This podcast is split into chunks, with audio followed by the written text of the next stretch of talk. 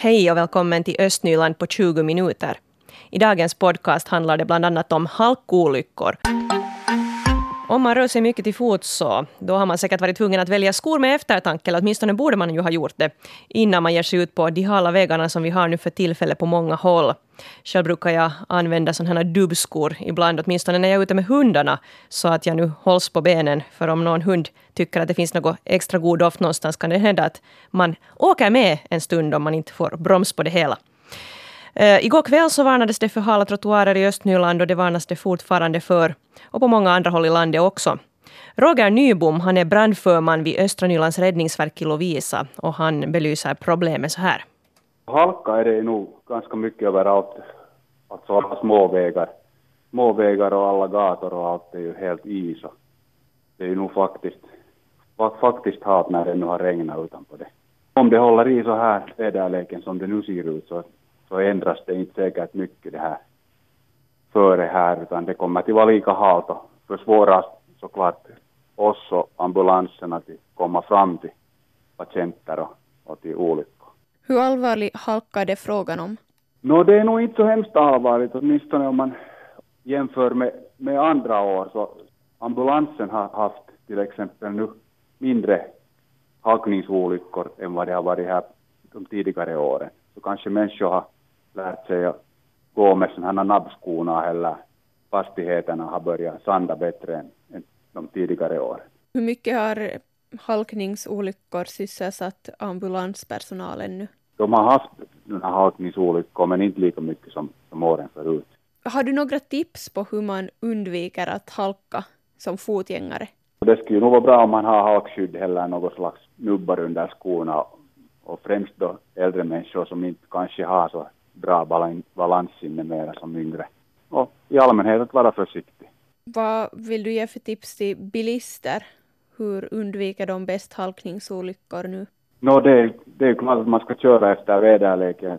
Att nu, nu när det är så här blixthalt så, så kanske man borde lite lätta på gasen.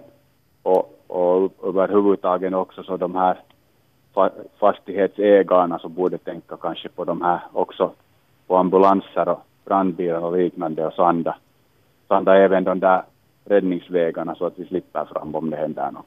Roger Nybom, brandförman vid Östra Nylands räddningsverk i Lovisa, hörde vi där.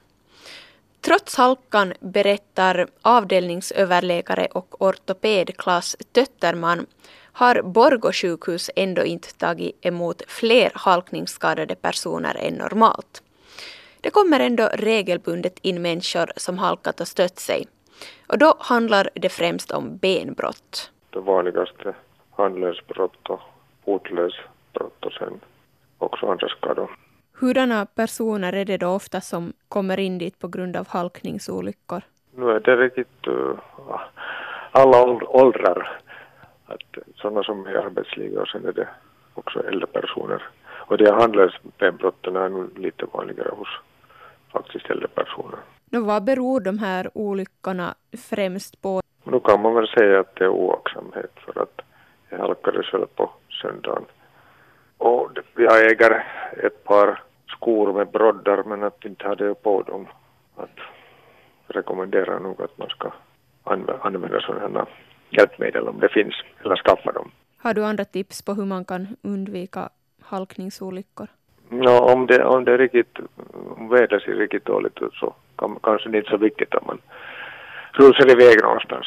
No, hur allvarliga skador har det brukat vara frågan om när folk halkar? No, det här med handledsbenbrott, så nu, nu tar det ju några månader före man får handen i skick. Först kan det gipsas i fem veckor och sen så tar det drygt samma tid före för, för, för man har tränat upp den.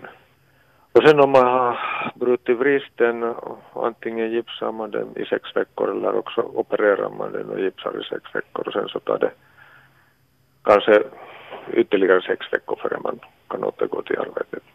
Oj, oj, det kan vara långa sjukledigheter det. Vi hörde avdelningsöverläkaren och ortopeden Claes Stötterman här i inslaget och före honom brandförman Roger Nybom. Och det var Hedvig Sandell som var reporter.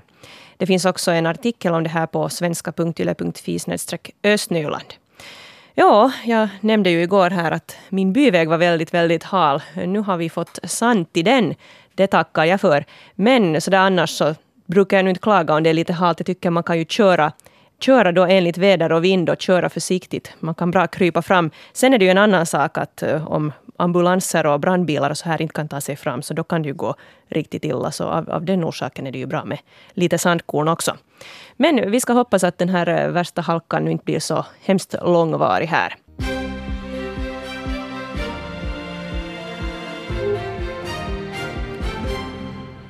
Klockan är halv åtta. Nu senaste nytt från regionen Östnyland med Stefan Härus. God morgon.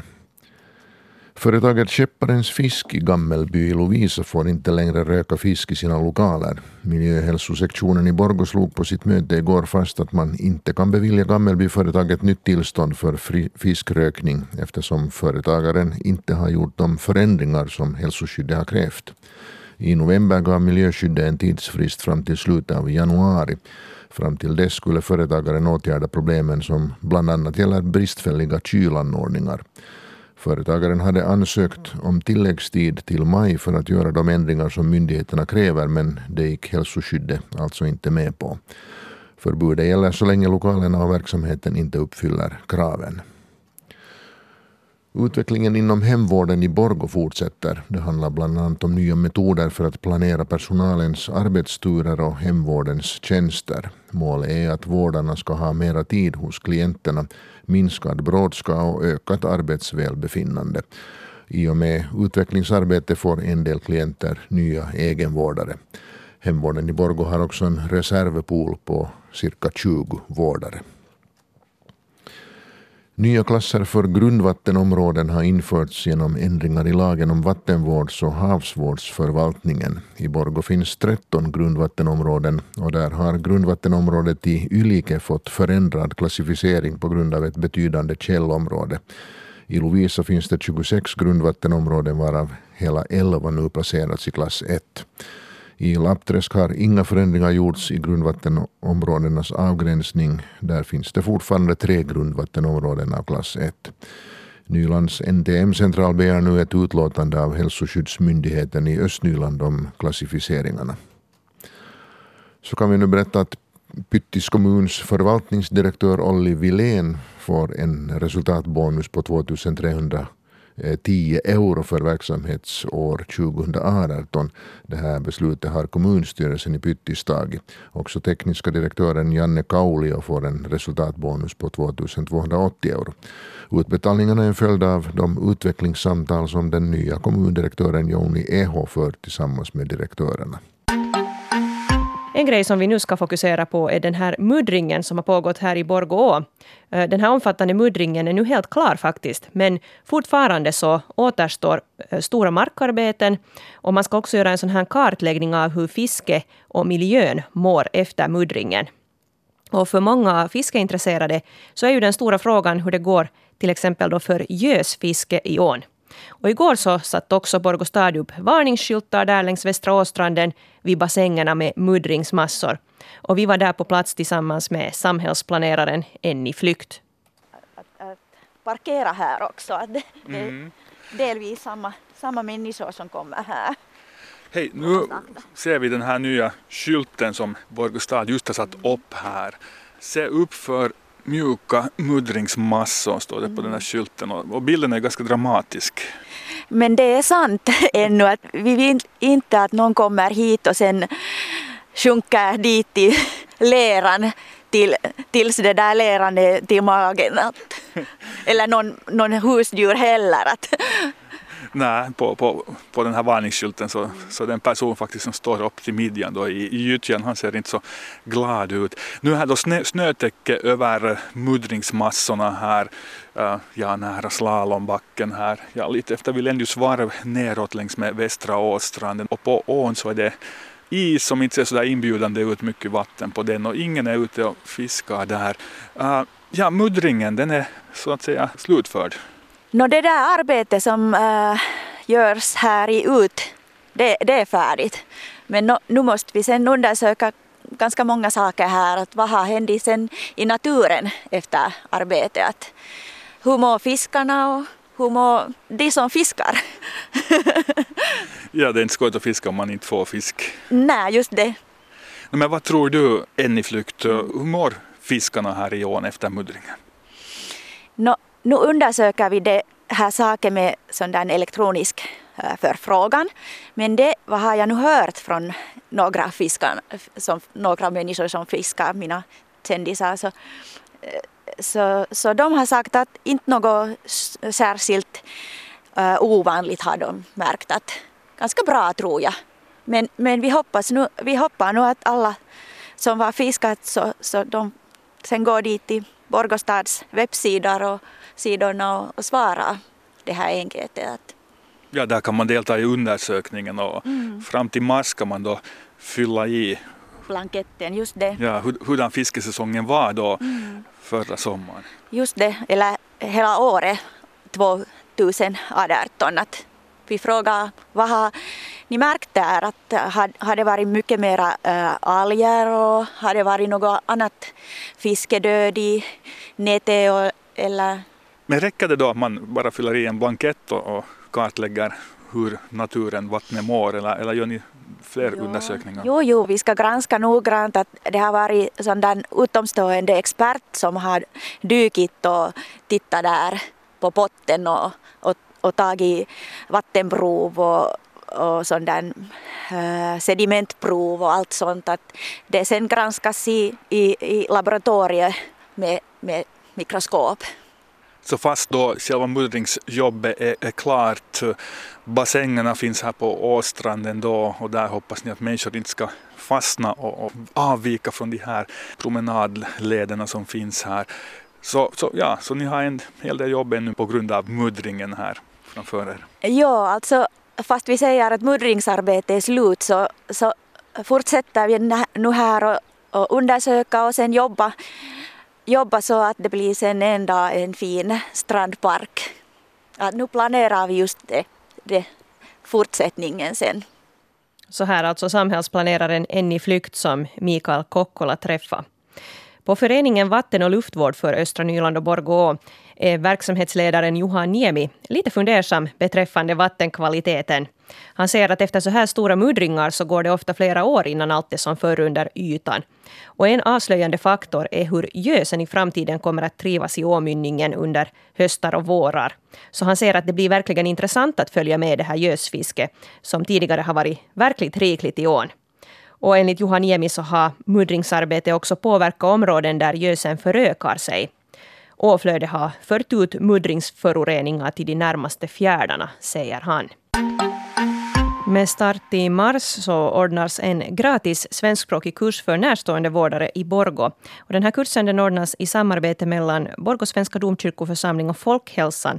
Och syftet med kursen är att få närstående vårdare att stanna upp och se över sin egen livssituation. I studion har jag nu Asta Stenvall från Folkhälsan och Irina Lemberg från församlingen. Välkomna hit och god morgon. Tack, god morgon, tack. Varför behövs en sån här kurs? Vad skulle Asta säga? No, jag skulle säga på det sättet att uh, det har ju visat sig att man behöver i den situationen som ju är ganska krävande i något skede, att man behöver en sån här, ett stöd. Mm. Och, och, vi har då försökt i den här eller i och med den här kursen att samla en, ett sånt här kunskapspaket som då skulle ge det här stödet till närstående vårdare. Det är inte någon enkel situation att vårda en nära anhörig hemma. Irina, vilka frågor kommer att behandlas här på kursen? Vi kommer delvis att tala om den här situationen när man är närstående vårdare, vad det, vad det liksom betyder rent så här i psykiskt, liksom hur, hur man orkar och hur man kan göra så att man, man får mera resurser och man kan liksom um, när man själv funderar på sin situation så kan man kanske hitta något sånt som är positivt för en. Och att man kan då i den här gruppen tillsammans liksom styrka det här positiva som, som man hittar. Och, och sen kommer vi ju att ha sån här, mera sån här fakta också. Vi, Asta kommer att berätta om, om olika former av vård hur man kan sköta om sin närstående vårdare. Och sen kommer vi att vara i kontakt med Borgå stad och få reda på hur de nu hjälper närstående vårdare och vård, de som behöver vård. Mm. Att, Kanske Ja. ungefär det som... Ja, Ja. och det som Irina just sa, så det här att man träffar andra i liknande situation och på det sättet kanske får tips hur olika man kan lösa, lösa de här många gånger kniv, kniviga situationerna hemma. Mm. Och det är säkert både yngre och äldre närstående vårdare som kan ha nytta av en sån här kurs. Det är det och, och vi kan ju säga att, ska vi säga, det kan vara barn som sköter sina föräldrar. Det kan vara föräldrar som sköter sina barn. Och den här situationen den kan ju ha uppstått helt plötsligt genom någon, någon olycka eller så kan den gradvis ha utvecklats till att vara ett närstående förhållande, närstående vårdarförhållande.